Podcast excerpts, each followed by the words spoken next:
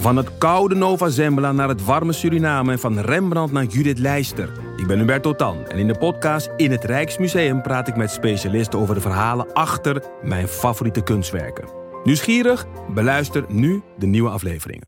In de muziektheatervoorstelling Het Achtste Leven voor Brilka naar de wereldberoemde roman van Nino Haratischvili en in regie van Nina Spijkers vertelt hoofdpersoon Nitsa op meeslepende wijze met veel ironie en humor de dramatische geschiedenis van acht levens uit haar Georgische familie tussen 1900 en nu.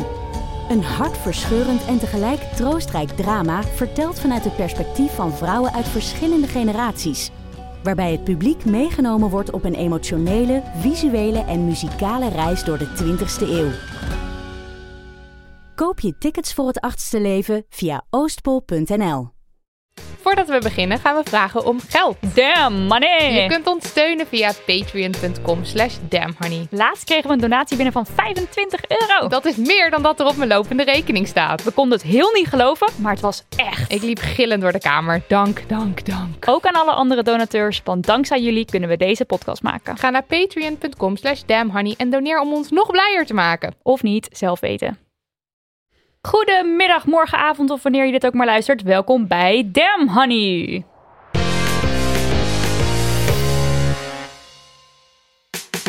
De podcast over shit waar je als vrouw van deze tijd mee moet dealen. Mijn naam is Nidia. En ik ben Marilotte. En dit is aflevering 20. Wap, wap, wap. We hadden al gewaarschuwd dat we dat Ik wilde dat al heel lang een keer doen. Uh, te gast, de droomgast vandaag, hebben wij schrijver, columnist en redacteur Meredith Greer.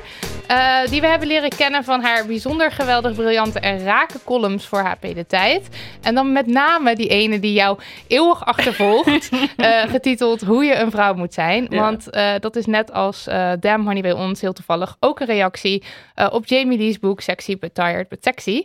Welkom. Dankjewel. Alhoewel, ik moet zeggen, dat, dat was heel eerlijk gezegd, dat boek, dat was gewoon meer een soort van, of um, ja, weet je, dat iemand zo een, een bal voor een leeg doel neerzet en dan zo van, Je wie moet- gaat hem ja. intrappen? Iemand, iemand moet het doen. Wie gaat het? Oké, fuck it, het. dan doe ik het wel.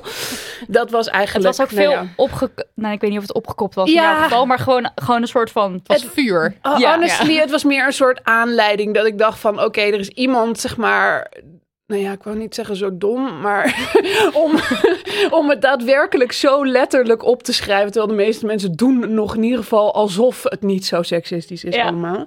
Ehm, maar ja, nou goed, het was gewoon, eigenlijk is het altijd een beetje te veel eer om haar boek te blijven noemen, want het gaat over veel meer dan dat, weet je. Ja, het is nee, niet alsof zij de enige exponent is van deze soort van Ja. shitty cultuur naar vrouwen toe. Dat doen we eigenlijk iedere, allemaal iedere dag, denk Ja. ik. Ja. Ja, dat was gewoon een mooie aanleiding. Ja.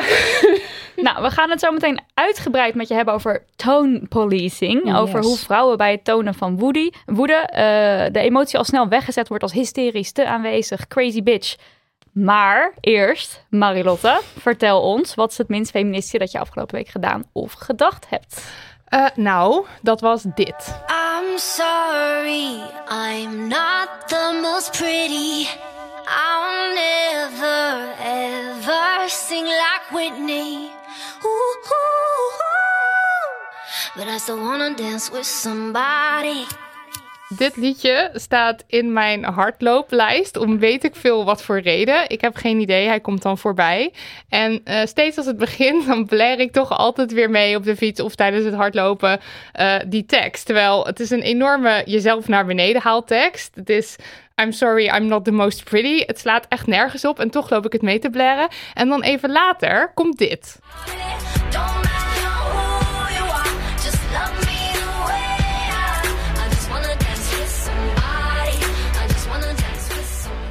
En ik loop me dus standaard dood te ergeren aan deze grammaticale error. Dan zegt, zegt ze, eh, don't matter eh, who you are, just love me the way I are. En ik zit daar dus me enorm over op te winnen, terwijl ik die eerste zin gewoon meeblaar alsof er niks aan het handje is.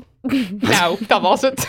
Ja, maar wel even in jouw eh, voordeel, of hoe zeg ik dat? Jij keek net heel even de videoclip, je zocht hem op en toen werd je wel woest. Ja, toen werd ik wel boos, want eh, de vrouw die dit zingt is echt het, het, ja, het toonbeeld van, van, ja, wat is het, dat het past helemaal volledig in dat In het ideaal, in het schoonheidsideaal. En eh, het slaat echt nergens, überhaupt nergens op dat je het zingt, maar dit, dit is echt bizar. Dus hij gaat bij deze straks uit mijn lijst. Zo, dat zal de leren. Denk aan die quote van Diane Vreeland. Die zegt van, you don't owe pretty to anybody. Oh, dat is Ja, een hele Echt, mooie you quote. don't owe it to be pretty. Nee. To anybody. Zij was Niemand- ook zo ja. cool. Trouwens, ja, Inderdaad. sorry. Nee, Nee, ik maar heb, echt. ja, Oké, ik ga er niet over uitweiden, maar ik lof haar. Ehm, ik ga ook iets vertellen. Ja, ik ben fan van een zekere internetpersoonlijkheid, wiens naam ik niet zal noemen. Eh, en toen was er laatst iemand die zei, huh, huh, eh, nou, die is echt niet zo leuk hoor. En ik zo, hè, wat, die is niet zo leuk? Die man die is echt hilarisch en het is echt een fantastische vent. En toen zei ze, nou, ik heb verhalen gehoord, ik kan niet eh, precies vertellen, want, hè, maar nee, hij is niet leuk. En toen dacht ik, ja, maar dat kan niet. Het kan niet dat hij niet leuk is. Dat was het eerste minst feministische. En de tweede was dat ik dacht, nou, ze heeft me niet verteld waarom die niet precies leuk kan zijn. Dus kan ik gewoon zonder heel veel problemen blijven bekijken. En Totdat je fan bewijs blijven zijn. Want ik weet het niet zeker. Ik weet niet wat er gebeurd is. Een soort kop in het zand. Ja. Nou, dat. Ja, op zich vind ik dat je op zich daar ook nog wel Oh. een punt hebt eigenlijk Ja, hoor. soort dat van, ik denk van, eh, van ja, als iemand nu gewoon maar random iets roept over iemand en dan mogen we hem in één keer allemaal niet meer leuk vinden. Ja, Maar als het ja er iemand zit is natuurlijk die een wel... hint naar allerlei seksueel geweld of zo. Ja, ik, weet het, ja. ik weet gewoon letterlijk niet waar het over gaat. Maar je- dat, ja. En het gaat natuurlijk ook om degene die je de waarschuwing geeft. Want dat Ja. is in dit geval wel iemand die jij vertrouwt. Wij- Ja. Ja. van ja, wie ik kijk, nee, maar precies. Ja. Dat is Ja, denk ik dierbaar soort van de context ervan, Ja, weet je? ja. Ja, ja. Nou, altijd lastig. Maar is oké, zolang ik het niet Ja. precies weet, steek ik mijn kop in het zand en blijf ik het gewoon lekker kijken. Ja. Meredith, je hebt ook nagedacht over deze vraag. Ja, echt. Nou ja, ik, ik doe alleen maar onfeministische dingen. ik moet ook denken een soort van Roxanne Gay met Bad Feminist en haar intro daarin. Ik denk van, ja, dat ben ik ook allemaal totaal. En ehm, voor mij is bijvoorbeeld, ehm, ik ben een half jaar geleden eh, ten huwelijk gemaakt, eh, gevraagd.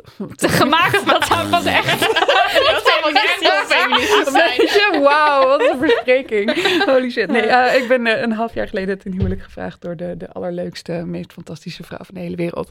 Maar Gefeliciteerd. ehm, Ja. nu zit ik dus soort van zo in die, in die bubbel. En, en is het zo moeilijk om niet soort van in dat totale hetero-patriarchale, weet je, wit suiker, slagroom, jurkachtig ding. En, en, en dan ook mijn, mijn echte guilty pleasure, mijn echte zwakte. En dat ik iedere keer ook zit te kijken en ik denk van waarom kijk ik dit? Waarom kijk ik dit? En ik kan niet stoppen. Want say yes to the dress. Ja, Ja, oké. Maar die zwakte ben hebben we allemaal. I am guilty.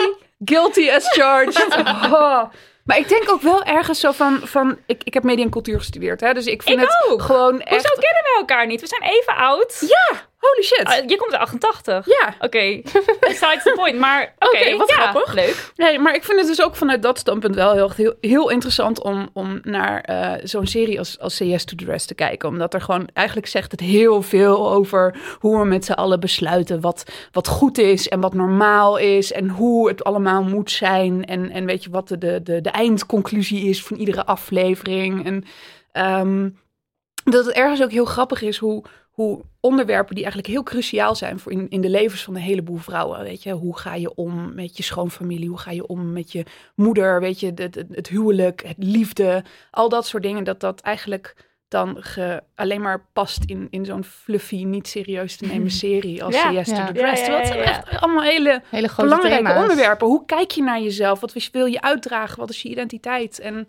ehm, nou ja, dat zou eigenlijk meer verdienen. Maar ja, totdat we dat hebben, is eigenlijk een soort van Is dit wat Dit is- ja. yes to dit the dress dan gewoon maar hoe we het Je moet verwerken met z'n allen. dus dat. dat Heb je al een- yes to een dress gezegd? Ehm, ik, ik, ik twijfel nog heel erg. Want ik wilde natuurlijk in eerste instantie gewoon een Oscar de la Renta van 20.000 euro aan. En dat zit gewoon niet helemaal Is niet helemaal in het budget inge... Nee, nee, nee, nee, nee. En, en dan wordt het ook weer dat ik denk van ja, wil ik eigenlijk überhaupt een jurk aan?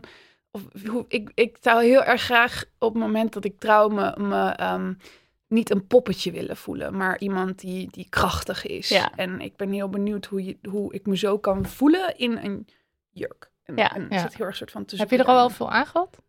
Uh, nee, ik heb er nu uh, uh, eentje heel erg op het oog. En dat, doet me eigenlijk een beetje denken. Het is op een gegeven moment een fotoshoot van Lord in The Guardian geweest. Waarin ze zeg maar dan aan de ene kant een heel mooi meisje is. En aan de andere kant zeg maar een harnas aan heeft. Gewoon een middeleeuws harnas. En gewoon een soort van die vibe.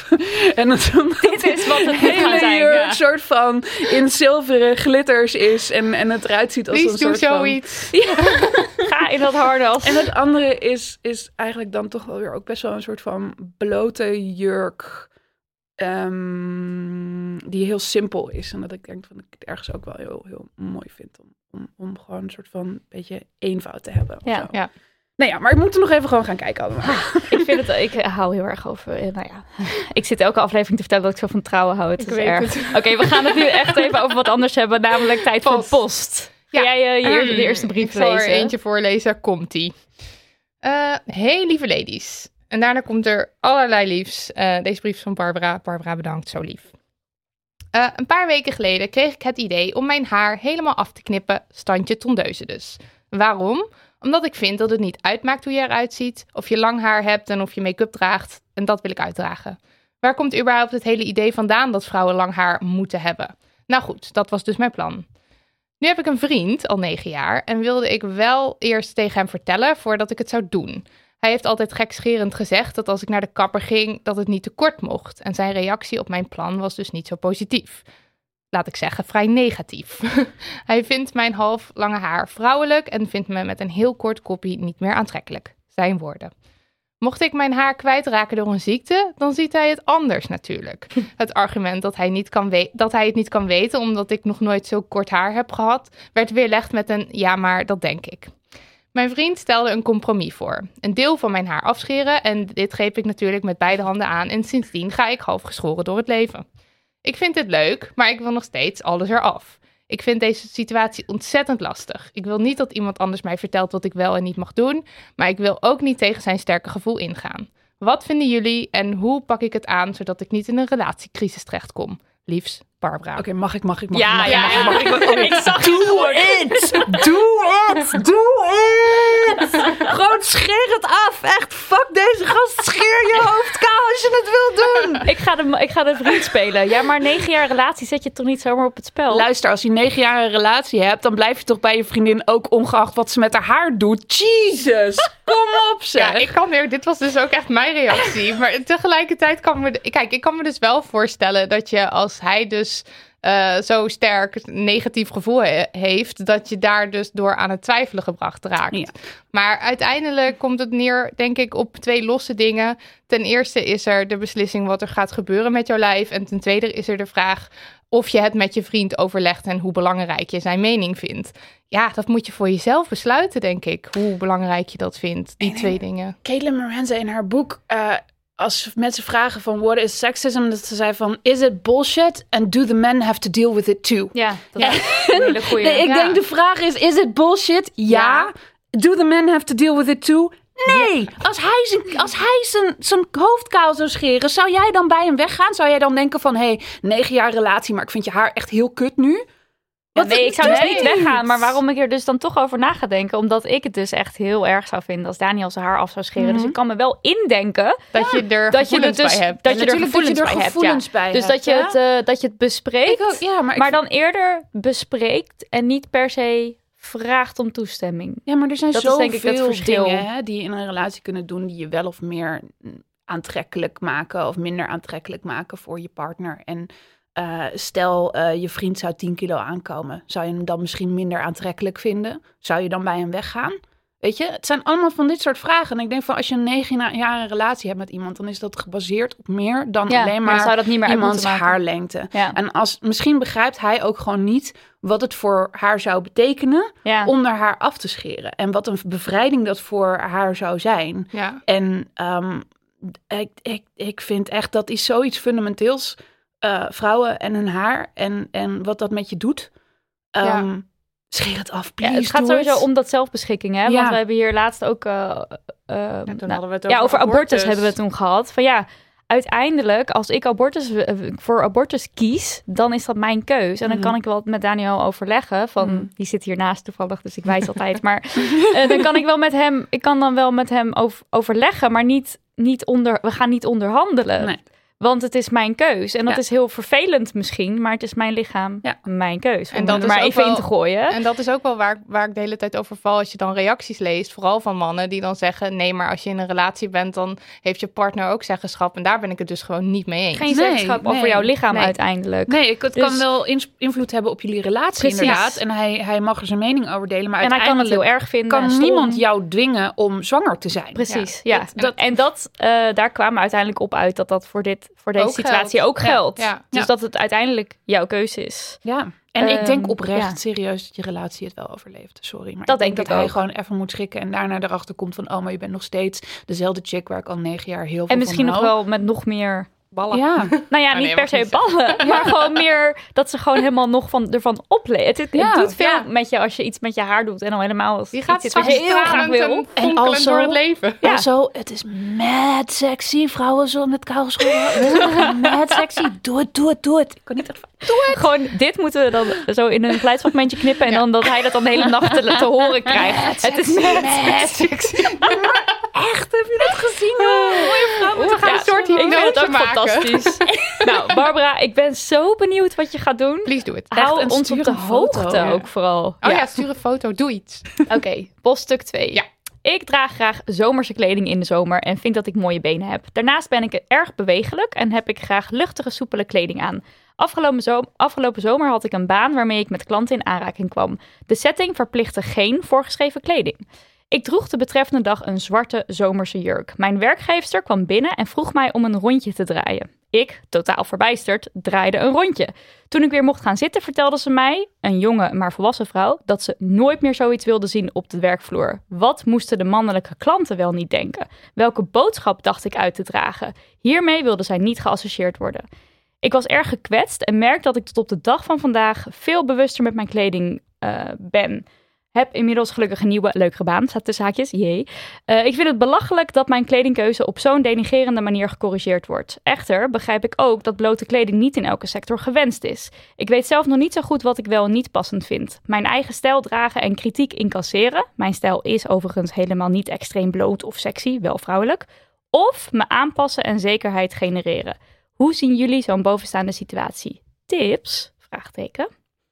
Ik vind het vooral zo denigerend dat ze een rondje moest draaien. En Oh. dat er gezegd wordt, wat moeten de mannelijke klanten wel niet denken? Daar, Ja. kan, daar word ik echt misselijk van. Ik denk, wat mij hier ook inderdaad meest tegen de borst stuit, is hoe ze dit heeft aangepakt. Ja. Ja, Ik denk van, je gaat midden op de werkvloer vragen om een rondje gaat draaien. Dat en dan rondje, vervolgens in en plein publiek dit zo zeggen. Dan denk ik echt van, dit is gewoon alles wat er mis is met hoe je soort van dit soort, deze situatie moet handelen. Ja. ja. Dit, dit kon niet zeg maar slechter gaan.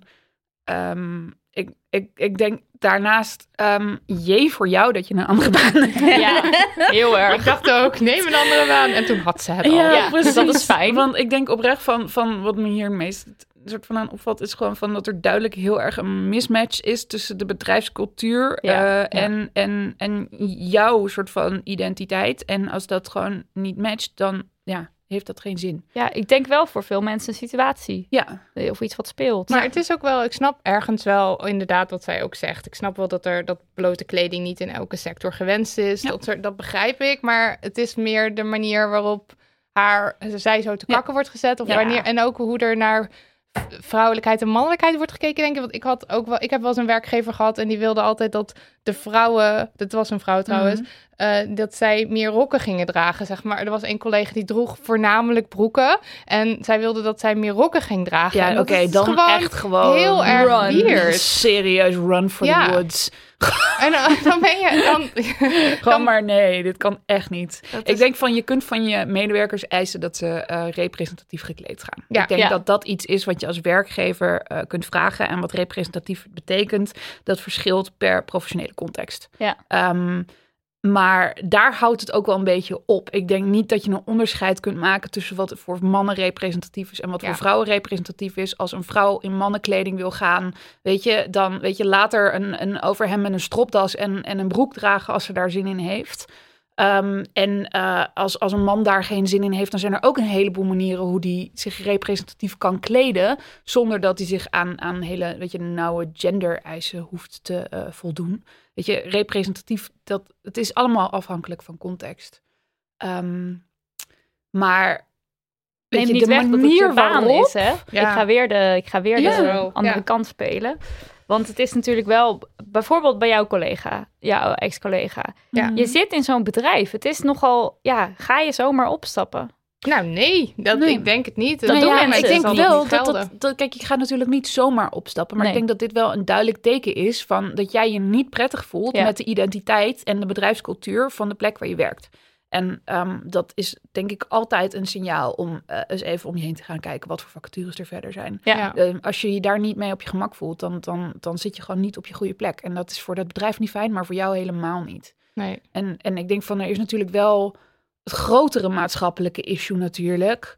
eh, wat we vrou- vrouwen eisen in hun kleding. En ehm, eh, hoe je het eigenlijk ook nooit goed kunt doen. hè? Ja, en dat verzorgd. Je moet er wel verzorgd uitzien. Wat voor een vrouw verzorgd is, betekent dat ze twee uur lang eigenlijk voor de spiegel moet staan. staat, ja. Precies. Terwijl het voor een man betekent dat hij soort van Evel in zijn haren doet nadat Ja. hij uit de douche is gekomen en een pak aantrekt. Ja, en het zou voor mannen en vrouwen gewoon helemaal dezelfde eisen moeten zijn. Wat Ja. verzorgd is en wat representatief Precies. En ik denk van dat dat een grotere maatschappelijke discussie is die we met z'n allen moeten voeren. En waar we moeten kijken van oké, hoe, hoe, hoe zetten we, hoe, weet je, wat is de representatie van een professionele vrouw? Hoe ziet dat eruit en hoe ziet dat bij mannen uit? En dat is iets wat we zeg maar denk ik in, in reclames en in beeldvorming aan moeten pakken.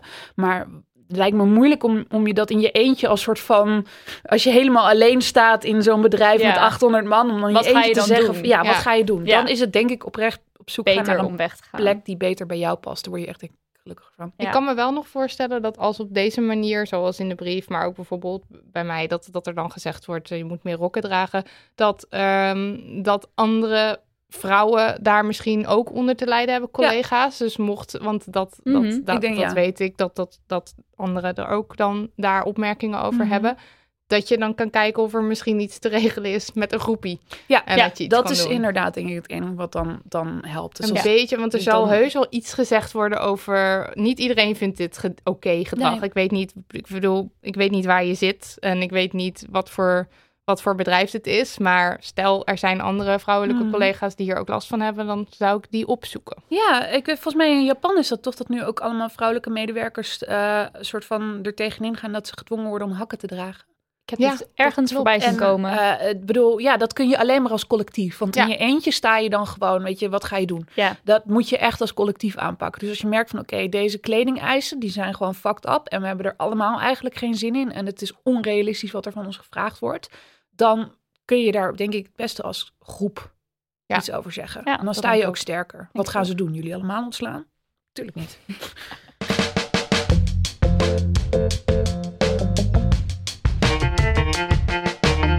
We moeten het even hebben over woede bij vrouwen en toonpolicing. Weten jullie bijvoorbeeld nog dat Serena Williams een conflict had met de scheidsrechter op de baan en compleet werd afgebrand? Ze zou een little bitch zijn en een huilende diva. Of een voorbeeld dichter bij huis. Sylvana Simons, die in de gemeenteraad vragen stelde rondom het optreden van de politie eh, bij de Nederlandse bank waar een man dood werd geschoten. En zij noemde het buitensporig en onnodig politiegeweld. Ze werd 31 keer onderbroken tijdens haar pleidooi. En Jonas van Lammeren van de Partij van de Dieren zei dat ze nederig moest gaan zitten en haar mond moest houden.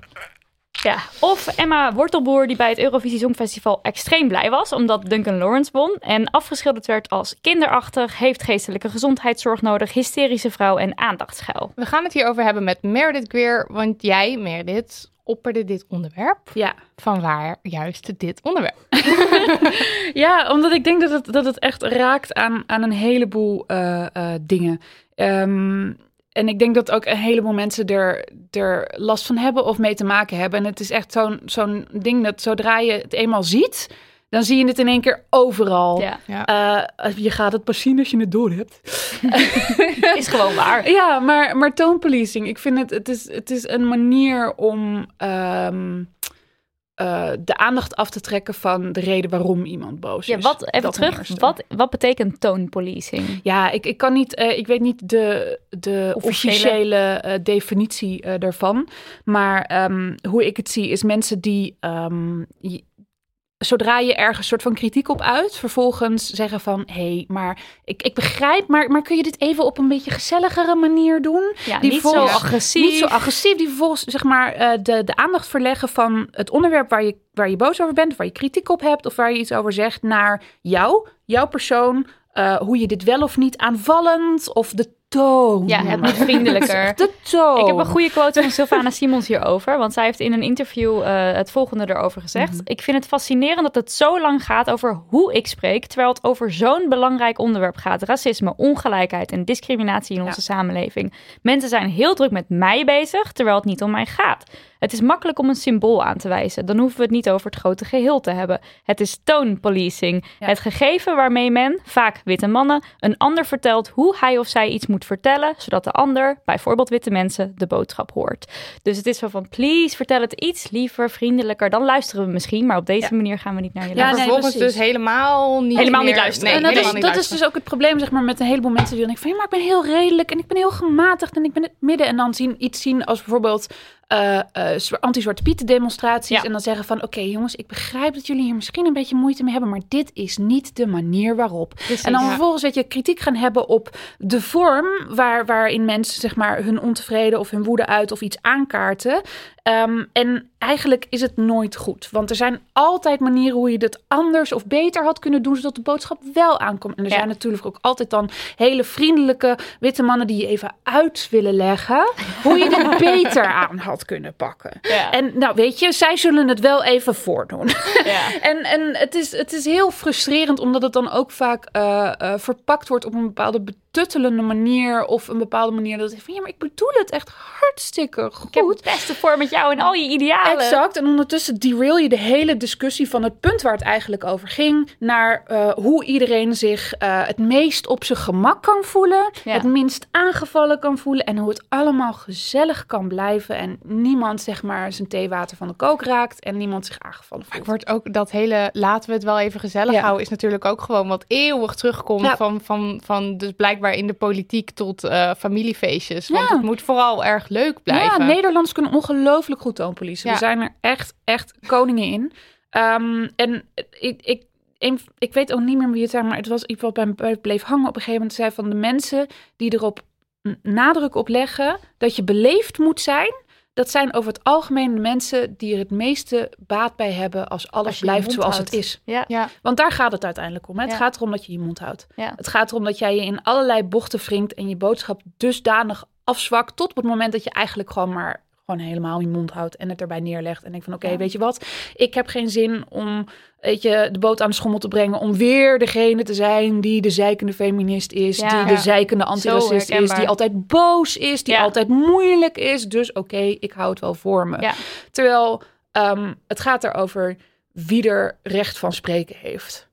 En naar wie er geluisterd moet Ja. worden. En het is ook wel, wij zaten er een beetje over na te denken. Het is- wij, wij in de podcast hier, wij toonpolicen onszelf eigenlijk een beetje. Ja. Want we zijn heel genuanceerd, tenminste dat, dat willen we graag zijn. En ik, ik, heb, ik heb ook wel eens uitgesproken van, ik wil niet de, De zure boze feminist feminist zijn. zijn. Ja. Niet ten nadele van zure feministen, Ja. maar dat is niet de manier waarop ik het zou willen. Dus ik loop dat dan ook al gelijk heel erg te nuanceren, want daarmee bereik je dan het Mhm. meest. Ik zal het niet zo snel anderen opleggen, maar ik toonpolice mezelf ook heel erg. Ja, ik, ik, ik, ik probeer mezelf er heel erg op te betrappen. Ehm, ik denk, nou ja, in eerste instantie, eh, wanneer ik de neiging heb om het bij andere mensen te doen. Ehm, wanneer ik zelf ook denk van, ja, maar jongens, we kunnen het hier toch ook op een gezellige manier over hebben. Waarom Ja. moet het gelijk allemaal zo boos? Dan krijg ik van, oké, nee, dit, shut the fuck up. Ehm, en, en ik, ik, komt binnenkort met een nieuw boek uit. eh, en daar schreef ze, ik weet niet, of het is niet de exacte quote, maar ehm, ik ga niet respect tonen voor iemand die mijn menselijkheid niet respecteert. En, en daar zit denk ik de kern. Het gaat vaak om mensen die eh, racisme of seksisme aankaarten, omdat het allemaal zo ontzettend ongezellig is.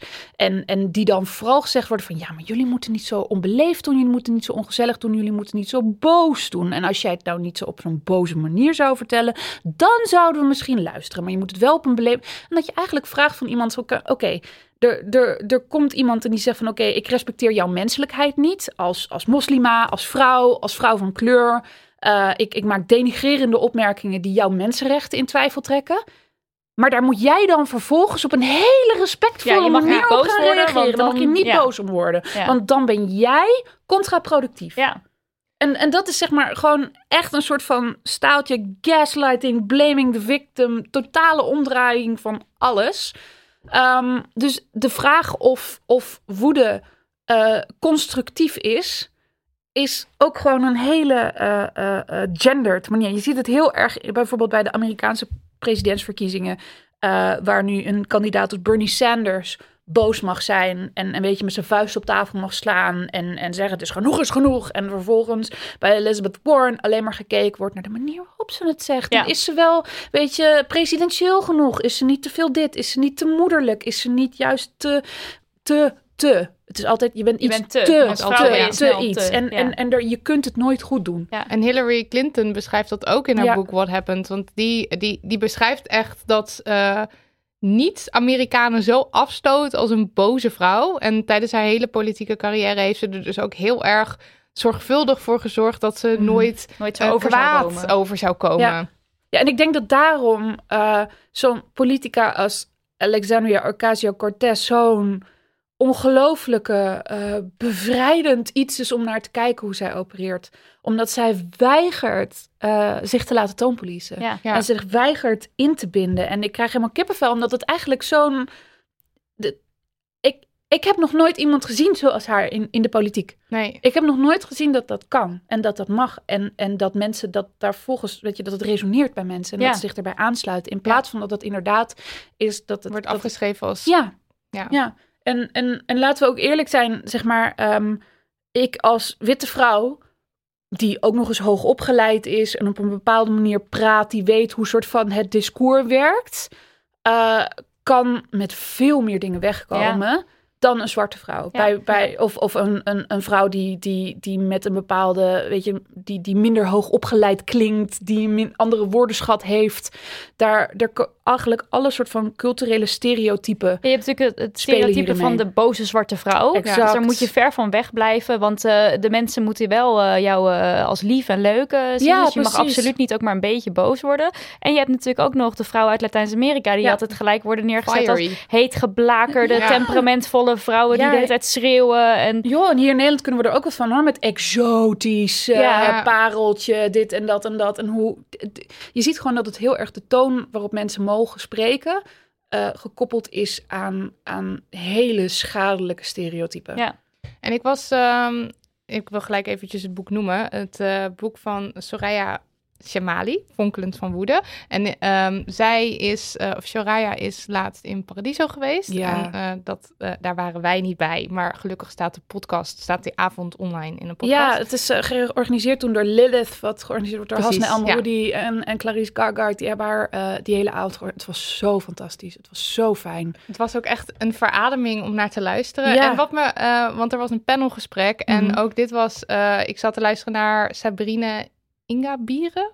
Denk ik dat je het uitspreekt. Volgens ik weet mij het wel, niet zeker. En zij zei ehm, ook, zij komt volgens mij oorspronkelijk. Zij komt uit Rwanda en zij woont nu in België. En zij zegt ook: Ik heb zo het idee dat zwarte vrouwen dankbaar moeten zijn. Ja. Dankbaar voor dat België mijn land heeft gekoloniseerd. Dankbaar voor dat ik nu twee talen moet leren. Het was En echt fire. ja, en dat was echt. Ik kreeg daar echt een beetje. Ik vond ook dat ze het zo heerlijk bracht. Ja, omdat ze ook zei van, I never asked you to. Ja, ik heb nooit gevraagd dat, ik, dat, ik, dat mijn land gekoloniseerd werd. Ik ben helemaal niet dankbaar. Dit is niet iets waar ik Ik dankbaar... hoef hier niet dankbaar voor te zijn. I don't owe you shit. Dat was echt zo. En, daar- ja. ja. Ik, ik wil eigenlijk altijd nog steeds dat t-shirt hebben. Women don't owe you shit. Ja. Ja, dat Daar- daar, ook ja. wel.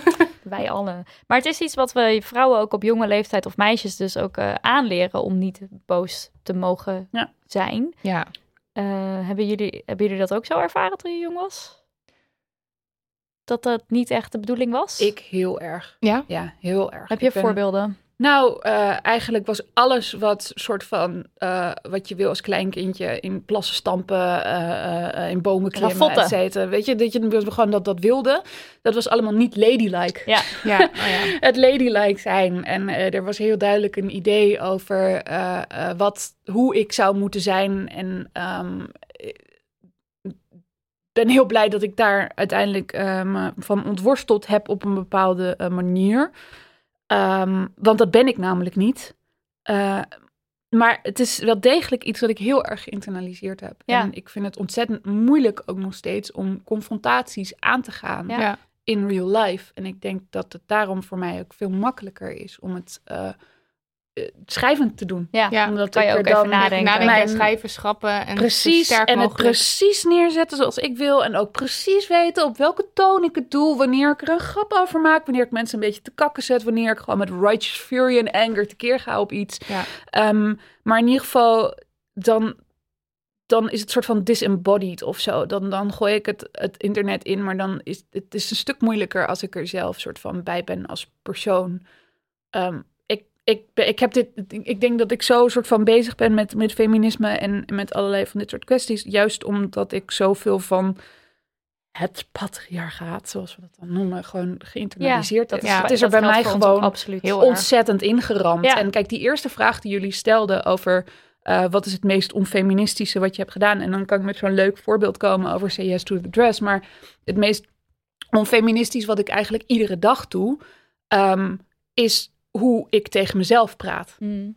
En hoe, wat voor eisen ik aan mezelf stel. En hoe hard ik tegen mezelf ben als ik die niet haal. En hoeveel van die eisen eigenlijk ehm, heel erg samenhangen met, met die, die, die patriarchale ideeën over hoe ik als vrouw zou moeten zijn. Ja. Ja. Zoals hoe ik zo'n column schrijf van hoe je als vrouw moet zijn. Dat zijn ook juist de dingen natuurlijk die ik tegen mezelf zelf- zeg. Waar ik tegenaan precies. loop. Van ik merk van oké, dit lukt me niet om zo te zijn. Maar eigenlijk vind ik dat ik het wel zo moet zijn. Van wie eigenlijk? Waarom eigenlijk? En het is heel moeilijk om je daaraan te ontworstelen. En ik denk wel eens echt oprecht dat als ik een man op straat zou horen praten tegen een vrouw, zoals ik af en toe over mezelf denk, dan zou ik ingrijpen. Dat je er wat van Ja, zou zeggen. Dan zou ik ingrijpen. Dan zou ik echt denken: wow, what the fuck zeg Ja. jij nu tegen Ja. haar? Maar het is heel moeilijk om jezelf dat niet, om, om daarmee te stoppen. Nou, like, we Ja. all need therapy. Laten we Maar het is houden. ook best wel heel erg lastig om, om jezelf weer op te betrappen. Want Mhm. dat heb ik ook niet door. En ik zat ook na te denken over bijvoorbeeld boosheid vroeger. En of je dat aangeleerd hebt gekregen. Mhm. Ik zou niet per se momenten of zo kunnen, kunnen aanwijzen waarop, waarop ik zo in het gareel werd gehouden. Mhm. De enige reden waarom ik dan concludeer dat ik er bijvoorbeeld niet... dat ik het niet goed geleerd heb... is omdat ik een hele soort van achterbakse manier van boos worden ontwikkeld. Ja, en Ja. Dat, ik bijvoorbeeld, dat ik de neiging heb om mensen te negeren of om gewoon een week te zwijgen. Mhm. Of we- dat ik ga de Mhm. confrontatie Dat is niet hoe aan. meisjes leren boos te Ja. Ja. Ja. Ja. Ik had wel een heel leuk voorbeeld uit mijn jeugd. Want ik heb eh, één keer gehad dat ik wel boos mocht zijn of zelfs moest zijn van mijn juf. Toen had een Mhm. jongetje mij getrapt op het schoolplein. Toen heeft ze ons voor de klas gezet. En toen zei ze, het was groep 6. En toen zei ze, nou, trap hem maar terug. Wauw. En, Dat is en, echt zo heerlijk. en ik durfde het niet en ik moest volgens mij ook huilen en ik vond het echt vreselijk. En terwijl ik dit voorbeeld net aan Marilotte vertelde, dacht ik gewoon weer bij mezelf, ja, maar die jongen die had ook, die had ook ADHD en die was ook gewoon heel lastig. Dus hij kon er niks aan doen. Dus En zelfs, boys will be boys. Ja. Precies. Ja. Dus zelfs, je zit na te denken over dit onderwerp, over het verschil tussen jongens, meisjes, opvoeding. Mhm. Zelfs nu denk ik nog van, hij kon er ook niet zoveel aan doen dat hij mij een trap gaf. Mhm. En dat is dus ook zo onderdeel van ons denken. Exact. En dit is het probleem met toonpolicing. Waarom ik het zo graag hier aan wilde kaarten. Omdat ik denk van het is groter dan alleen maar soort van de opmerkingen die er over vrouwen gemaakt worden. Omdat het is een ding wat je compleet internaliseert. En wat Ja. aan alle kanten constant bevestigd wordt. In iedere soort van serie of representatie van vrouwen. Hoe, wat we belonen in vrouwen en wat we, wat we negatief beschouwen van vrouwen. En Ja. je, je internaliseert het totdat je niet meer doorhebt dat je het doet. En ik denk een paar jaar terug kwam eh, toen het nieuwe album van Lord uit. En daar stond een nummer op, Liability. En ehm, ik vond het heel grappig, Anne Ardon, een meisje dat ik volgde op Twitter. En dat nummer resoneerde heel erg bij mij. Ik had het echt een paar keer op repeat staan en ik er echt gewoon een beetje van emo van werd. Ik dacht van, oh my god, dit ben ik. en dat ze toen Twitter zo van zei van, oh my god, ik hoor zoveel mensen in zoveel appgroepen en op Twitter dit nummer delen en, en in één keer zeggen van, ja, zo voel ik me ook vaak. Ik voel me ook zo vaak te veel, eh, te luid, te, te aanwezig, te too much. Ja. Ehm, en terwijl dat vrouwen zijn die zij helemaal niet als te veel beschouwde Ja. of zag. Die, die, waarvan ik ook dacht van, van eh, maar dat zijn gewoon hele leuke vrouwen, weet je. Assertief misschien, maar helemaal niet te Ehm, maar misschien is het een goed idee om er even naar, naar te luisteren, dat mensen weten Ja. waar ik het over heb. They say you're a little much for me. Your reliability. You're a little much for me. So they pull back, make other plans. I understand. I'm a liability. Get you wild, make you leave. I'm a little much for it. Het is echt heel mooi, lief, zoet nummer, maar echt super breekbaar. En hoe zij dat ook van zichzelf internaliseert. En zegt van, nou, ik begrijp het wel. Ik ben ook een beetje te veel voor de mensen. Ik ben ook een beetje een ongeleid projectiel. Dus ik snap het. Mensen trekken zich terug, maken andere plannen. Weet je, vinden het leuk als ik een kunstje doe... totdat het een beetje weet Vervelend je, te vervelend wordt. wordt. En dan gaan ze weer door. En het is heel verdrietig eigenlijk. Ja. Het is Ja. heel verdrietig wat vrouwen daardoor over zichzelf denken... en hoe we onszelf tekort doen. Ja. En ik denk, daar zit eigenlijk de grootste, het grootste obstakel. Van hoe, hoe ruimte innemen. Ja. Mogen zijn wie je bent. Ja. Ik had ook rondom woede dat ik de, de momenten die ik me dan kon herinneren, dat is vooral heel veel schaamte wat daarbij zit. Ja. Dus ik weet dat ik op de basisschool heb ik een keer klootzak tegen een jongetje gezegd. Weet je nog Weer een ander jongetje overigens. Eh, en dat ik dat nog steeds zo goed weet dat ik dat zei. En dat ik dat eigenlijk ook eh, heel erg vond van mezelf dat ik het Mhm. gezegd had. En op de middelbare school heb ik een keer een jongen in zijn gezicht geslagen omdat hij iemand van de trap had geduwd. Dus dat was ook, ik stond ook volledig in mijn recht, vind ik nog steeds. Maar ik weet het nog zo goed en dat ik me daarna ook echt dacht van, oh fuck, ik heb dat gedaan en wat erg en schaamte. Terwijl ik vraag me dat af of dat dan bij jongens ook iets is wat zij dan nog heel goed weten, dat ze een keer boos werden. Kijk, ik denk het moment dat is op een hand te tellen bij mij. huilen of eh, op een andere manier een soort van quote-unquote vrouwelijke emotie Oh, hebben ja. getoond, dat dat iets is Dat dat iets bij- waar ze zich Ja, schamen. natuurlijk, want, want dat is wat jongens wordt verteld van, Dat van mogen weet je, niet. eh, niet zo janken, je bent toch geen meisje, weet Ja. je, dat wordt, wordt heel erg gefeminiseerd als iets wat zwak is en slecht is en wat ze, wat ze in moeten houden. En nou ja, dat komt er dan naar buiten als woede. Ja. En dat is een manier hoe eigenlijk de enige emoties die mannen wel breed mogen laten zien.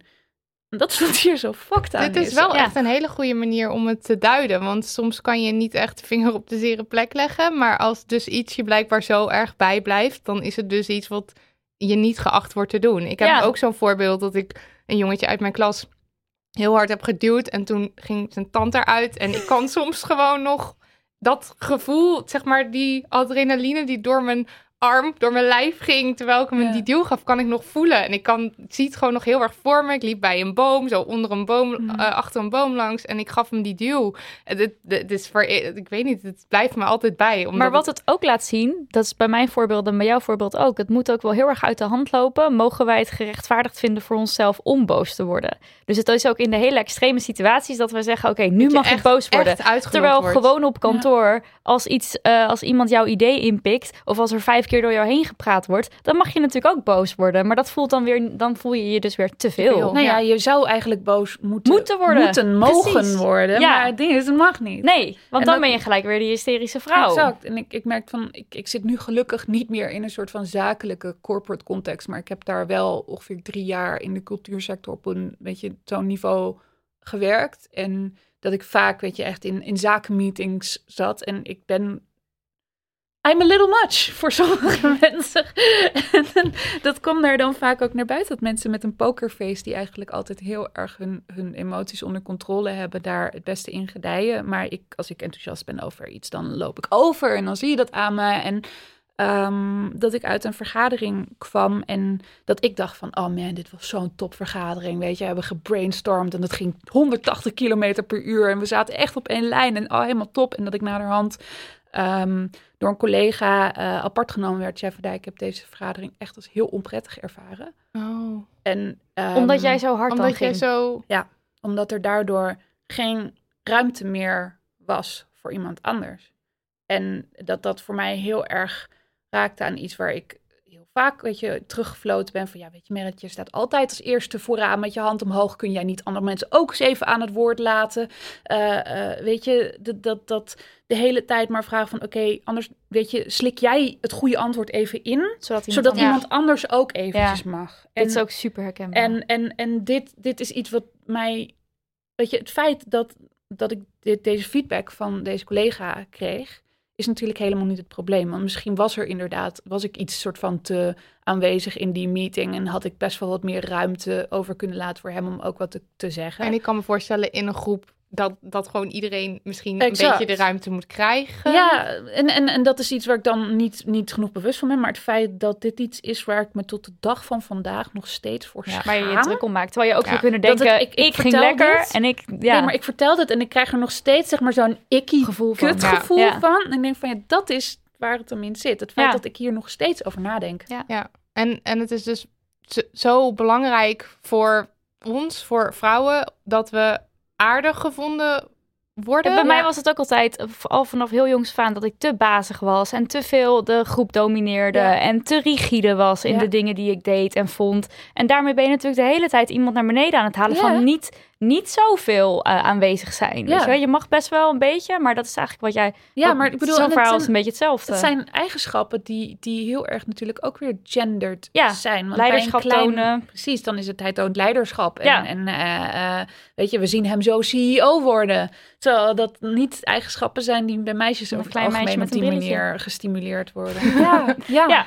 Ik kroop juist altijd een beetje meer terug in mijn schulp. Want ik weet nog wel dat ik op de basisschool was altijd doet commentaar. Nou, Marilla is wel erg aan het kletsen en wel erg aanwezig. En eh, dat moet wel een beetje rustiger. En naarmate ik, toen ik puber werd en op de middelbare school zat, was, was ik juist een beetje die boze puber die...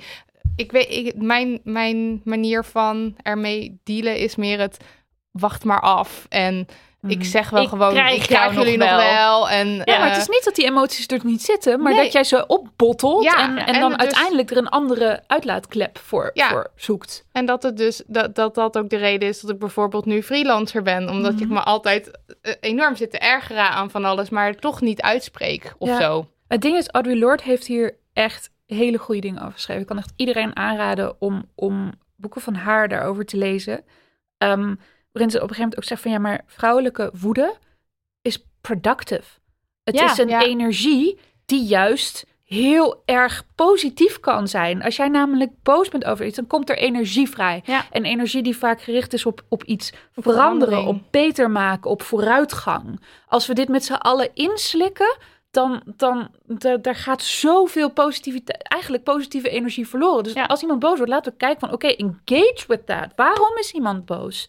Weet je, wat, wat, waar, waar, waar wil die boosheid heen? Ja. En, en wat kun je daarmee doen? In plaats van dat, ja, het komt er dan in een hele soort van opgebottelde, weet je, eh, geconcentreerde vorm uit, die vaak dan ook, weet je, of juist op een hele creatieve manier, maar soms ook gewoon heel verwrongen is, weet je, dat, dat soort van, wat vrouwen dan kunnen doen, dat het, dat het soort van heel passief-agressief wordt, Dat, of ja, nasty dat is iets wordt. wat ik ook heel erg veel gedaan heb. Omdat ik gewoon niet wist hoe en wat. En dan ging ik inderdaad maar heel, wat jij ook zei, negeren. Terwijl in passief-agressief. essentie, Terwijl je kan ook gewoon zeggen, dit is aan de hand en dit moet anders, want... er zit een whatever. heleboel positieve energie eigenlijk om iets te veranderen Ja. achter. Ja, zij zegt ook, eh, boosheid zit vol informatie. Ja. Ja. Ja. Dat is natuurlijk een heel... Inderdaad. Is ook zo, Van, ja. ja. waarom ben je de boos? Ja, denk, ja, Ja. precies. Maar in plaats van dat we erover nadenken, mogen we de emotie eigenlijk niet, niet voelen. En Soraya Ja. Jamali die zegt erover in haar boek ook van... Ik, ik herkende de emotie bij mezelf niet eens. Nee. Omdat ik zo geleerd was om het niet te mogen voelen. Ja, Ja. zij benoemde het soms als stress of moe. Omdat Ja, dus vermoeidheid, dan- stress, dan zei ze Ja. dat in die plaats. En dat boek, dat staat echt barstens vol bronnen. Dat heeft echt, eh, het is Ja. een heel dik boek. En ik dacht, oh, ga ik nooit Maar dat uitkrijgen. vond ik Maar het is dus echt ook- zoveel bronnen, wat heel goed is. Ja, maar ik vond het ook weer tragisch. Ja. Want het is gewoon, vrouwen worden dus pas, of de- deze vrouwen onder andere, wordt dus pas Ja. serieus genomen op het moment Ja. dat ze met een half boek aan bronnen En zelfs dan wordt ze zetten. Maar we waarschijnlijk hadden, niet het daar, serieus we hadden het daarover tijdens de, de avond dat ze er was in Paradiso. En toen zei ze van, het was inderdaad tweeledig. Enerzijds wilde ik dat dit boek een naslagwerk kon zijn. Voor Ja. iedereen waarvan je denkt van, oh my god, dit resoneert zo met me. Dat je direct kon zien van, oké, hier kan ik er meer over lezen. Maar anderzijds inderdaad, ehm, als je op deze manier over vrouwelijke woede praat, het eerste wat je dan te horen krijgt is van, ja, is dat zo? moet Bewijs dan maar je eens. Waar, waar staat zijn? dat dan? Ja. Eh, is daar onderzoek naar gedaan dan? Dus dat je eigenlijk de hele tijd soort van tot aan het malle alles moet onderbouwen. Ja, en, dat heb ik ook als ik een stuk schrijf. Dat Ja. ik denk van oké, weet je wat bitch? Hier staat het, hier staat het. Daar is de hyperlink, hier is de pdf. Alsjeblieft, ik heb het allemaal onderbouwd om gewoon dat voor te zijn. Om te voelen Ja. dat je een soort van, van, Een soort van een soort munitie. panzer bouwt. Ja. Maar zelfs Ja. daarover zegt zij dat op het moment dat ze gewoon eh, de facts aan het staten Mhm. is. Dus niet eens iets boos erover zegt, maar gewoon puur en alleen de feiten noemen. Dan word je al neergezet als boos. Maar dat Absoluut. herken jij ook Ja, dat herken heel ik erg. echt super erg. Ja, je hoeft alleen maar iets te zeggen wat gewoon gaande is. Ja. En dan, is, en dan ben je al gelijk weer een boze vrouw. En, en hier raken we ook aan iets wat ik heel erg belangrijk vind in dit feit is ehm, wie is er neutraal? En, en, en daar komt het zo vaak op neer dat inderdaad iemand die, die, die de feiten benoemt, maar daar dus ook zelf mee in aanraking komt. Eh, wie is er dan neutraal in het, in het publieke debat? Wie mag er als, als gewoon als soort van. eh, Het redelijke midden ja, spreken. als, als vanuit een positie van expertise, waarin mensen denken van, oh, die heeft erover nagedacht. Weet je, ik wil luisteren naar wat hij hierover te zeggen heeft. Want laten we eerlijk zijn, dat is heel vaak een witte man. Dan Ja. wel het liefst ook nog een oude witte man. Die, die overal gewoon over uitgaan. En, en wiens positie wij zien als de neutrale, de objectieve. Ehm, het feit dat iemand er dan persoonlijk mee te maken zou kunnen hebben met racisme, met seksisme, met weet je, positie van migranten bijvoorbeeld. Dat wordt als van ja, maar jij bent gekleurd. Jij draagt een hoofddoekje, dus jij bent niet neutraal. Jij Ja. kan hier niet over praten vanuit een neutrale positie. We willen het eigenlijk pas horen als een witte man vertelt wat zij eigenlijk aan het zeggen was. Dan is het van, oh, maar hij heeft er geen aandeel in. Dus we willen ernaar. Terwijl, natuurlijk heeft hij Ja, er dit een is- aandeel in. heeft er juist heel erg Iedereen veel heeft er een aandeel van, van in. veel Waarom Ja, zouden en we vervolgens ook nog het applaus dat hij het dan gezegd heeft. Want dat is met. Savannah Simons en, de, en wat wij net aanhaalden. Dat zij werd gezegd dat ze nederig moest gaan zitten. Ja. Een paar weken daarna is precies dit gesprek Ja. geweest eh, door een man gevoerd. En, toen haar was idee iedereen van... gewoon, ja, Ja, Oh, hier wat moeten we een het over visionair, hebben. Wat, Ja. wat progressief, wat, wat, wat breek jij taboes door. wat een En- goede bondgenoot. Exact. En, en, en natuurlijk, weet je, we hebben onze bondgenoten nodig. Ik ben niet van, soort van het, het, het afkappen van mensen en het idee dat je alleen maar, zeg maar mag praten vanuit een bepaalde identiteit. Maar ik vind het idee van neutraliteit en objectiviteit heel belangrijk. Want, want die neutraliteit en objectiviteit bestaan niet. Nee. En het idee dat een witte mannelijke eh, positie een neutrale positie is, omdat hij er zogenaamd geen aandeel in zou hebben, dat is een hele grote bli- blinde vlek die wij hebben.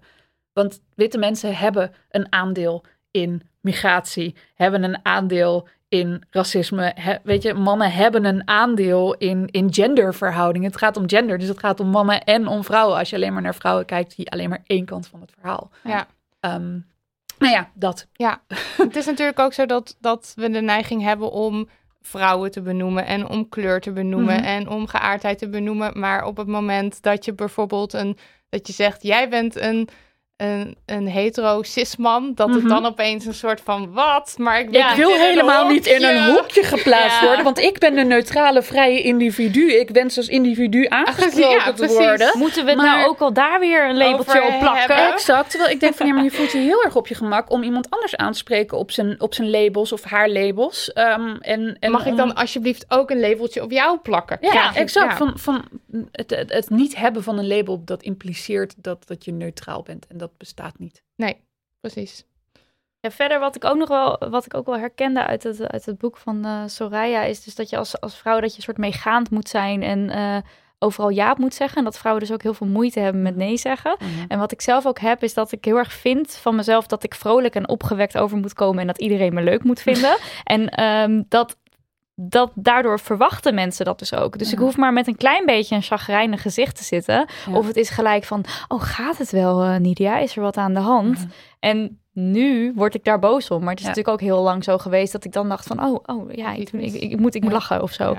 En ook iets wat we van heel veel mensen hebben teruggekregen. De opmerking van, meisje, je bent mooier als je lacht. Ja, heel erg. Heel veel luisteraars die dat instuurden als iets waar zij eh, mee te maken hebben. Ja. En dan ook de vraag, hoe ga ik daarmee om? Want Ja, het is ik- ik- natuurlijk altijd ook ik- het gevaar bij, bij zoiets dat je denkt, anders word ik, als ik nu zeg, nu zeg flikker op, dat je dan met agressie of zo wordt, wordt Ja, wordt maar ik bedoel, ik denk van dit soort dingen, het, het zijn ook hele humoristische manieren waar je omheen gaan. Eh, er is een gifje van Broad City waar ik altijd met heel veel liefde naar verwijs. Als iemand vindt dat ik liever moet lachen. Waarin ze tegelijk met twee middelvingers hun mondhoeken Oh ja, doen. dat is een heel goed idee. Ehm, dat is ja, oké, fantastisch. wauw. Ehm, ik denk dat dat ook iets is wat, je, eh, eh, wat heel grappig is als je het omkeert. Eh, en zegt van, oh, maar ik vind jou ook echt veel liever als je lacht. Eh, dat je eens een keer aan eh, Jan-Peter Balkenende heeft zo'n zo'n gevleugelde uitspraak daarover gedaan. Op een gegeven moment toch in zijn laatste verkiezingsdebat. Van, oh, maar mevrouw, u lacht zo lief tegen de presentatrice. Ja, oh. Dit allemaal Meteen bijna weer vergeten. Maar ik zou echt zo graag een keer tegen Jan-Peter Balkenende willen zeggen van... Oh, maar je kijkt er zo lief bij. Gewoon de bal terugkaatsen. ja, ja, maar echt. Ja, dan hadden we ook nog ehm, dat in een ruzie dat dan iemand zegt van ehm, eh, je doet zo moeilijk of je maakt een probleem. Dat is natuurlijk ook Mhm. onderdeel van de toonpolicing. Hoe je daarop zou kunnen reageren. Je, je, je doet niet moeilijk, de wereld is moeilijk. En jij Mhm. zegt, jij, je, je legt neer wat er moeilijk is. Dat is denk ik eerder hoe het is. Weet je wat het, het, het lastige is? Ehm, dat vaak in dit situ- situaties er ook sprake is van een machtsverhouding. Eh, het is vaak eh, zo dat er ook een, een situatie is waarin het bijvoorbeeld is tussen een, een baas en een werknemer. Mhm. eh, waarin dit ter sprake wordt gebracht. En je natuurlijk hartstikke lief op dat moment op je strepen zou willen gaan staan. en gewoon zeggen van weet je wat, motherfucker, ik ontplof gewoon. En want mijn, mijn woede is, is valide. Maar die luxe heb je niet. Dat Nee. privilege heb je niet op Nee. dat moment. Ehm, en ik denk dat een van de meest krachtige dingen die je op dat moment kunt doen. Iets wat ik in ieder geval heb gedaan, waardoor ik het gevoel van oké, ik, ik hoef in ieder geval niet helemaal in te binden, is door te zeggen van weet je wat, eh, ik, ik, ik kan het op dit moment eventjes eh, niet aan om het hierover te hebben met je. Ik, ik doe dat graag op een ander moment. Omdat Oh, je daar wel. Ah, weer je- ja. eventjes soort van de, de, de controle hierover terugpakt. Dat je niet zeg maar gedwongen wordt om mee te gaan in dit narratief. Maar dat je gewoon zegt van weet je wat, laten we even pauze inlassen. Ik ga hier heel graag met jou op een ander moment over in gesprek. Hmm. En dat je ook op dat moment zeg maar dan de kans hebt om eventjes je woede ergens anders te ventileren. eh, en te zorgen dat er iets verandert. Want dat is een van de dingen die ik het meeste meekrijg van, van het boek Vonkelend van Woede is... ehm, als je boos bent over iets, dan kun je kijken van oké, hoe, hoe kan ik dat aanpakken? Maar hoe, hoe, hoe moet ik dat uiten? Maar uiteindelijk gaat het er vooral om, er is een situatie die jou boos maakt. Laten we die veranderen dan. Ja, Die, daar moet iets aan gebeuren, niet iets aan jou. Ja, en zij, ja, want zij zegt ook, je woede, ehm, spreek het uit en zorg ook dat jouw woede serieus genomen Mhm. wordt. En dat mensen dus inderdaad dat waar jij je boos over maakt ook Mhm. zien als iets wat veranderd moet worden. Mhm. Want dat is denk ik dus het, het punt waar je uiteindelijk naartoe werkt met je woede. Het is Ja. niet, het woede wordt, boosheid wordt altijd zo gezien als een hele negatieve emotie waar je andere mensen mee lastig valt. Ja. Terwijl het dus iets heel positiefs is Mhm. laten we dan ook gaan kijken naar hoe we het positief kunnen inzetten en kunnen zorgen voor verandering. Want wat er nu gebeurt is eigenlijk niks anders dan onderdrukking. Helemaal eens. Ja, oprecht. En, maar het is lastig. Ik, ik ben er zelf namelijk ook niet goed in. Dus ik, ik weet, vind het ook moeilijk om mensen er advies op te geven. Omdat Ja, ik er dat zelf is nog zo, zo mee worstel. Ja, en dat is ook, want we kregen bijvoorbeeld ook de vraag: wat is jullie advies aan vrouwen die standaard gaan huilen als ze boos zijn? Oh man, dat ben ik. Ja, dat dat ben ik. ik ook. Oh Maar my dat god, zijn ik allemaal. altijd. Maar het is ook iets wat ik soms gewoon inzet, omdat ik, omdat ik zo machteloos ben en me machteloos voel en omdat ik niet serieus genomen word. En ik weet gewoon als ik nu ga huilen, dan gaan ze in ieder geval denken: oeh, oh, die vrouw huilt. Nu gaat er, nu gaat, nu, Ja? nu gaan we het serieus. Of ieder Oh, wat, we ik vind het echt heel krachtig dat je dat zo hardop zegt, dat je, dat je het inzet. Want dat is wel iets nou ja, waar natuurlijk ook veel kritiek op komt. Oh, ik heb het een keertje genoemd als een onfeministisch ding. Want ik Ja. kan het echt wel inzetten om bijvoorbeeld iets voor elkaar te krijgen. Want dan, ik weet ook gewoon verder dan niet wat ik moet doen. Oh, voor mij is het huilen. oprecht, ik, ik, ik kan het niet inzetten omdat ik het ook niet onder controle heb. nee, dat ik, is het. ik, Nee, ik, ik, ik begin niet. zo, ik begin ongecontroleerd te huilen. En voor mij is dat het moment dat ik gewoon soort van eigenlijk ook hier nog bozer word op mezelf. Omdat ik moet huilen. Omdat Ja, ik het ja, heel erg oh, haat. Dat ik oh. het gevoel heb dat ik dan, weet je, zwak overkom. Terwijl je en, wil en dat ik juist denk een van nee, ja. ik, ben, ik ben niet irrationeel. Ik ben niet overgevoelig. Ik wil hier een punt maken. Ja. En dat punt is valide. Maar doordat ik nu huil, ben Zien ik het. de emotionele, hysterische, overemotionele vrouw. Ja. En dat is dus vaak het moment dat ik zeg van... ik wil hier heel graag op een later moment Ja. over praten. Maar niet nu. Dat en is dat ik dan gewoon het super afkap. tip hoor. En echt even ergens anders ga janken. Want ik, ik, ik, ik vind het... Ja, maar ik weet niet of, het, of, of dat de manier is om te doen. Dat is eigenlijk Nou, ik, ik las hier dus over, ook weer in Vonkelend van Woede, Lees dat Ja. boek. eh, een soort, eh, soort theorie van als je als meisje valt en je gaat huilen, dat het allemaal heel lief is en heel Ja. erg van gaat het, la la la la. Eh, en dat het bij jongens natuurlijk dus niet zo is. Uh-huh. Eh, en dat als je boos bent, als je als meisje dan gecorrigeerd wordt op ehm, eh, je bent eh, te, dit is niet de bedoeling. Dus dat als jij, als jij boos bent, dat je dan maar gaat huilen, want je weet dat dan een soort kom, Dat je dan dat het een soort er automatische reactie gebeurt. of zo. Ja, dat er een reactie is van je omgeving waar je wat meer aan hebt dan alleen maar dat je berispt wordt. Ook omdat we dus gewoon niet boos kunnen worden, want het is ons niet, niet geleerd Nee, er is Nee. gewoon een hele boos te worden. Maar je weet wel dat, huilen zorgt voor. Ja, Ja, maar dat is ook. eh, ik kan me dus wel herinneren dat ik vroeger gesprekken had met ouders of opvoeders of weet ik veel, juffermeesters iets Mhm. eh, over verdriet. Wat het is, je gewoon je emotie. Maar boosheid, ik kan me niet per se herinneren dat ik een gesprek heb gehad over boosheid of zo, Mhm. hoe je daarmee omgaat. Maar wat deze luisteraar, dus het advies voor eh, als je standaard gaat huilen, wat zij er nog wel aan Oh ja. vastplakte, is dat ze het zo irritant vindt dat mensen vooral de tranen zien en minder Ja. de boosheid. Ja. En je wordt zo in het hoekje gestopt van hysterische vrouw of erger zielig meisje. En dan zegt ze, misschien moet ik dan ook niet zozeer advies vragen over hoe ik hiermee om moet gaan, maar advies voor mensen die boze vrouwen zien huilen. Dat vind ik eigenlijk heel goed, dat Ja. ze dat zo ziet. ja, Ja, zo omdraaien. Oh van, my god. Ja, Ja, dit is het meest feministische van deze hele fucking podcast, man. Inderdaad. Inderdaad. Deze omgeving moet namelijk aangepast worden Ja. en niet wij. ja. Ehm, ik denk op dat moment dat het ook gewoon belangrijk is om dat dan te benoemen. En te zeggen van, oké, ik moet nu huilen. Maar dat betekent eigenlijk dat ik gewoon echt ontzettend boos ben Ja. hierover. Ehm, en op dat moment gewoon dat narratief terugpakken. ja. Ehm, en dat kan eigenlijk alleen maar door dat te benoemen. Zeg Ja. van, oké, dit, dit is nu waar, hoe mijn woede eruit komt. Eh, en daar heb ik even, eh, eh, dit, dit is nou maar even hoe het, hoe het komt. En dan aan jou om te kiezen of je op dat moment dan de discussie verder aangaat... of kiest om het even af te kappen. Maar in ieder geval is denk ik dan je statement wel gemaakt. Ja, precies. Ja. Even kijken hoor, wat we nog meer hadden. Oh ja, dat als je zwanger bent of ongesteld, dat het natuurlijk altijd last van de hormonen is. En je bent nooit gewoon boos, want dat kan niet. Oh my god. Dus Ja, maar oké, je moet wat? altijd ergens op, op aangewezen worden. Het, het ding is, mannen worden nooit aangesproken op het feit dat ze dan vanwege hun testosteron, tos- Testosteron, ja. vanwege hun testosteron minder eh, eh, weet je, betrouwbaar zouden zijn. Dat dat geen invloed zou hebben op hun beslissingen. Want dat is een hele neutrale, neutraal hormoon.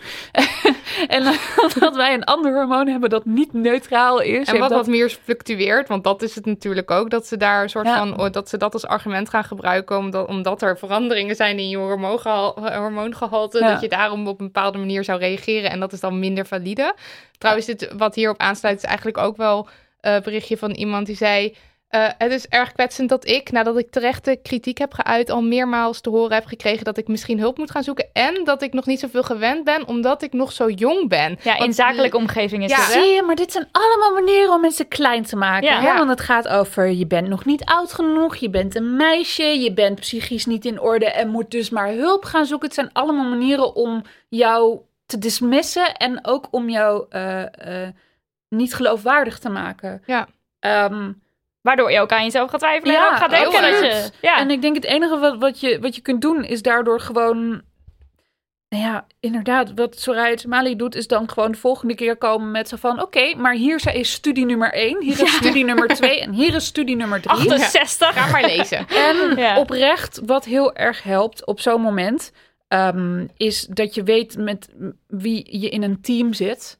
En Ja. eh, vraagt aan een mannelijke collega of aan een andere collega waarvan je weet van oké, maar die is ouder of die wordt wel hier gerespecteerd. Dat je van tevoren zegt van oké, back me up.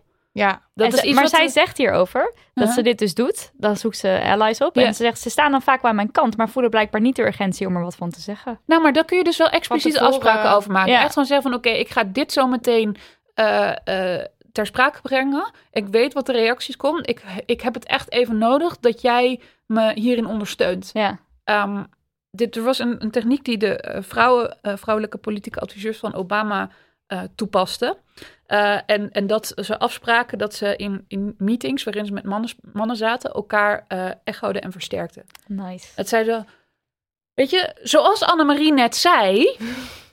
Nou, ik vind eigenlijk het punt van Annemarie net, weet je, de- op die Gewoon manier soort aanwijzen van de hele tijd elkaar te blijven versterken. En dat daardoor eh, mensen niet zeg maar met hun, hun punt aan de haal gingen of over ze heen praten. eh, of inderdaad ze afdeden als Ja. zeg maar gewoon maar, nou ja, het vrouwtje. Dit is ook wel hoe je dus voor elkaar krijgt om te zorgen dat woede serieus genomen wordt. Ja. Want als er een aantal stemmen zijn die dat allemaal zeggen en jou Ja. bekken, dan krijg, je, dan krijg je het, denk ik, voor elkaar dat Ja. een onderwerp serieuzer genomen wordt dan Ja. wanneer jij alleen machteloos daar staat. En daarom dus ook heel belangrijk om te kijken van... oké, als er een collega in jouw omgeving zo boos wordt... en dan inderdaad moet huilen... dat je gewoon zegt van... oké, maar ik ben het eigenlijk wel eens met wat ze zegt. Weet je? En, en dan gewoon verder gaan op het punt dat ze probeert te maken. Ja. Van, nou, ik vind dit eigenlijk ook totaal onredelijk... wat jullie hier aan het doen zijn. Ik begrijp haar reactie wel. Het is wel eng. Ik zit, Ja. me, ik zit me nu soort van voor te stellen hoe ik dat. Sowieso vind ik, heb ik de neiging om een beetje in groepen of als er gesproken wordt, om Mhm. dan stil te blijven. En, Mhm. en dat is, het is wel weer eng om soort van op te staan en dan te zeggen: Oké, ik back jou up en ik ga, en ik ga hier nu. Want moet je ook maar weer durven. Maar het is wel lekker als je Het is doet. wel lekker Maar als daarom, je het doet. Ja. daarom zijn er, is het zo fijn als je soort van verschillende vrouwen op de afdeling gewoon eventjes soort van met z'n allen een drankje gaat doen. Met elkaar soort van vergelijken. Hebben jullie dit nou ook altijd met zo'n dresscode, met deze toonpolicing? En dan gewoon met z'n allen afspraken maakt over hoe je daarmee omgaat.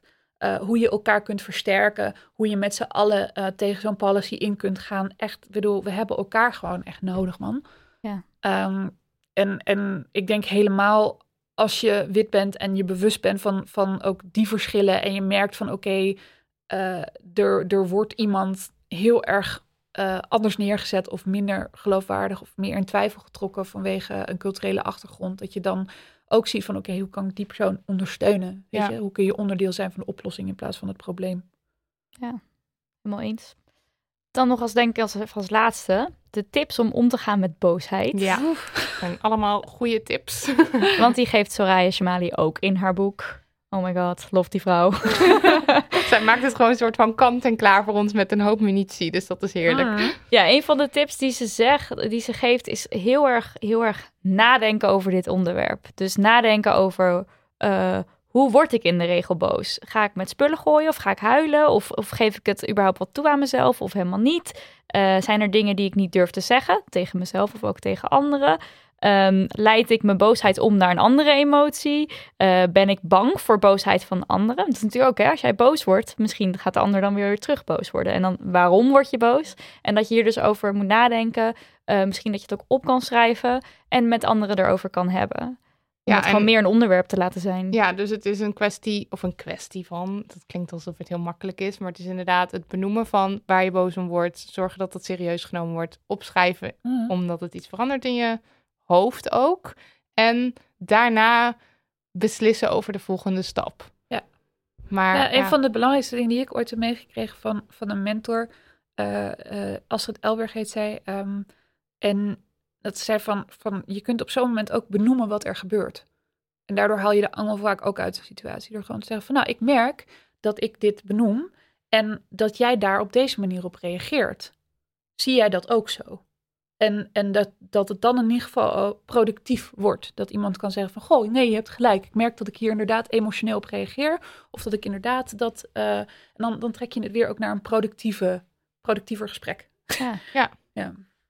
Dat is eh, ook, iets wat ze, ook iets wat zij tipt. Van luister ook goed naar eh, de ander. Dus probeer ook te begrijpen als bo- mensen boos zijn wat er aan de hand is. Zo zie je boze mensen uiteindelijk minder als een bedreiging of een risico.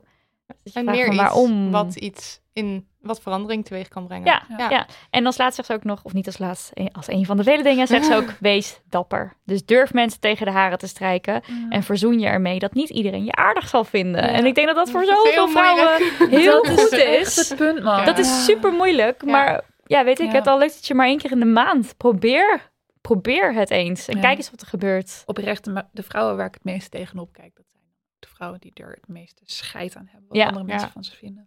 Ik heb wel met de hele cat, we hebben het ja, vaak over catcalling en dergelijke. En dat ik dan nu mijn middelvinger opsteek. Love it. Ja, Het is heel lekker om te doen.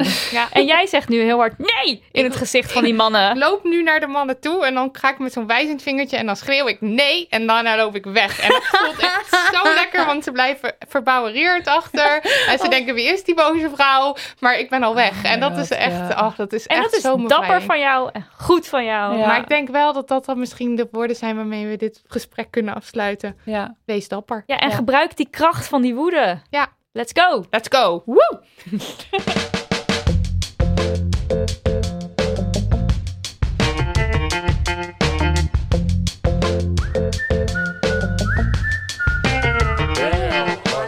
komen we bij de afsluiter Damn Honey Yes en Damn Honey No. Marilotte, laat ons huilen. Oké, eh, ik huil om Sudan.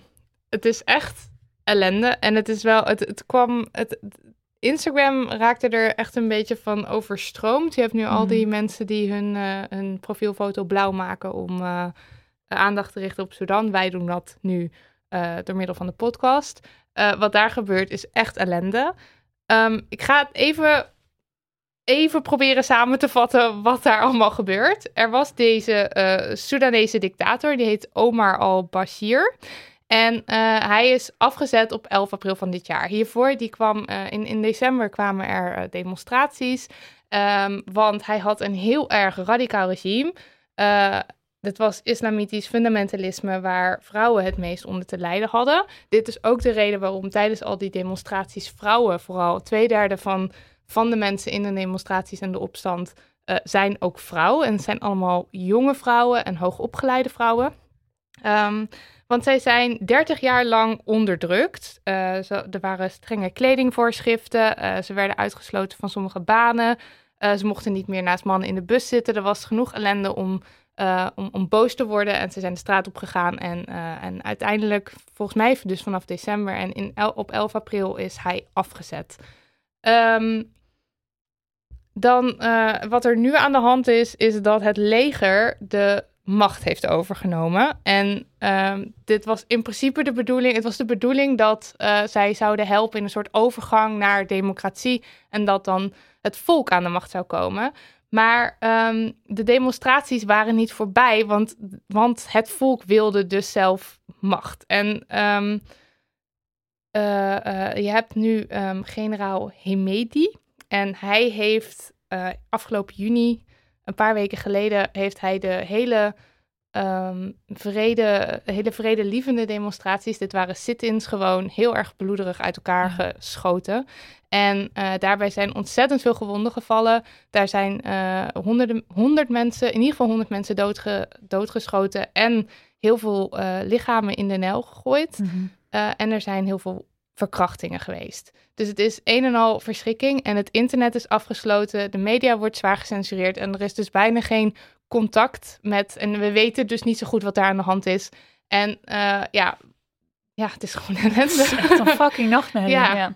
En ja, daar wilde ik graag eventjes aandacht. voor- Vooral, ja, Nidia die had nog een verhaal over een vrouw in Leiderdorp. Ja, ik, las, ik, eh, ik eh, luisterde naar vandaag, de podcast van NRC. En daar eh, kwam Solava Saad aan het woord. Zij is eh, 28 en geboren in Sudan en ze woont nu in Leiderdorp. En vanaf hier ehm, helpt zij dus enorm de opstand eh, te regelen. Dus zij, eh, maar dit is dus, daar moet ik er wel bij zeggen, deze podcast is gemaakt voordat het dus Voordat echt volledig werd. escaleerde. Eh, dus zij heeft, ik weet niet hoe het nu met haar gaat of hoe zij nu nog kan helpen. Want als jij zegt dat het internet is afgesloten, dat was eigenlijk haar main ding. ding. Dat hier het internet zo steady is. En dan Ja. konden mensen naar haar appen van, hey, wij hebben daar eten nodig. Of er is daar dat type bloed nodig. En dan kon zij dat allemaal regelen. Dus ik zou die in de show notes zetten, want het is een mooi eh, verhaal. En wat ik ook cool vond, eh, dat vertelde jij mij, dat ehm, eh, veel mensen hier zeggen van, oh, wat bijzonder van die Ja. vrouwen. Het is een hele westerse blik Ja. om te kijken naar... wow, al die vrouwen die gaan die straat op. Van, wat is de Soedanese vrouwen, wat bijzonder. Maar eh, dit is blijkbaar al iets wat ze generaties lang doen. Dit zijn, eh, de- deze vrouwen zijn ook helemaal niet gewend om onderdrukt te zijn. Dus het is juist zo logisch dat zij in opstand komen. Want zij hebben er echt het zwaarst onder te lijden. Het begon volgens mij met alle broodprijzen die omhoog gingen. En de- omdat zij dus zo... eh, omdat het regime er zo op, ge- op ge- eh, gebouwd was dat zij dus in de keuken staan en thuis zijn, Ja. merken zij het ook als eerste als het dus zo slecht gaat. Ja. Dus dit zijn echt de mensen die hier, eh, hier de, de opstand leiden. Ja. En dat, ja, ja, ik kan er niks aan doen. Het zal ook wel een westerse blik zijn, maar ik vind dat dus wel echt fucking cool. Nou ja, weet je wat het is? Het is gewoon vooral dat we een, een afbeelding zien van vrouwelijk leiderschap. Ehm, en dat is altijd iets is wat in onze wereld uitzonderlijk is. Precies. Dus dat zegt eigenlijk meer over ons, dan over hen. Ja, Ja. precies. Je had ook die hele mooie afbeelding van die Allah Salah. Die ja, vrouw klopt. die dan Zij zo staat. 22, Ja. ja. staat in witte gewaad. En Ja. Weet je, met haar handsel omhoog op een auto. Staat- Oh. ja. Dat is toch Prachtige foto. Ja, maar goed, Ook ja, die inderdaad. gaan we delen. Ja. Nidia. Meredith. Ja, Nee, Meredith oh. heeft Ja, een oh no. ja, jij hebt een no. Ja. Ja, oh my god, ik heb zo'n ontzettende no. Ehm het was deze week, werd op de The Cut, dat is een Amerikaanse eh, feministische eh, website, een stuk gepubliceerd van een best wel ehm, nou ja, eh, gevestigde en eh, gerespecteerde Amerikaanse eh, schrijfster. E. Jean Carroll heet ze. En dat is nogal een bom die zij getropt heeft. Ze heeft namelijk een lijst of hideous men eh, gepubliceerd. Uh, waaronder uh, Donald Trump assaulted me in a Bergdorf Goodman dressing room 23 years ago. But he's not alone on the list of awful men in my life. En het is een stuk. Ja. Er is bijna niet doorheen te komen, omdat het zo fucked up is. Ja. Um, maar het is echt ook juist heel erg goed geschreven en zo dapper uh, um, hoe ze dit uh, doet. En wat mij vooral uh, uh, boos maakt, is um, dat we uh, kennelijk met z'n allen niks geleerd hebben over de verslaggeving hierover.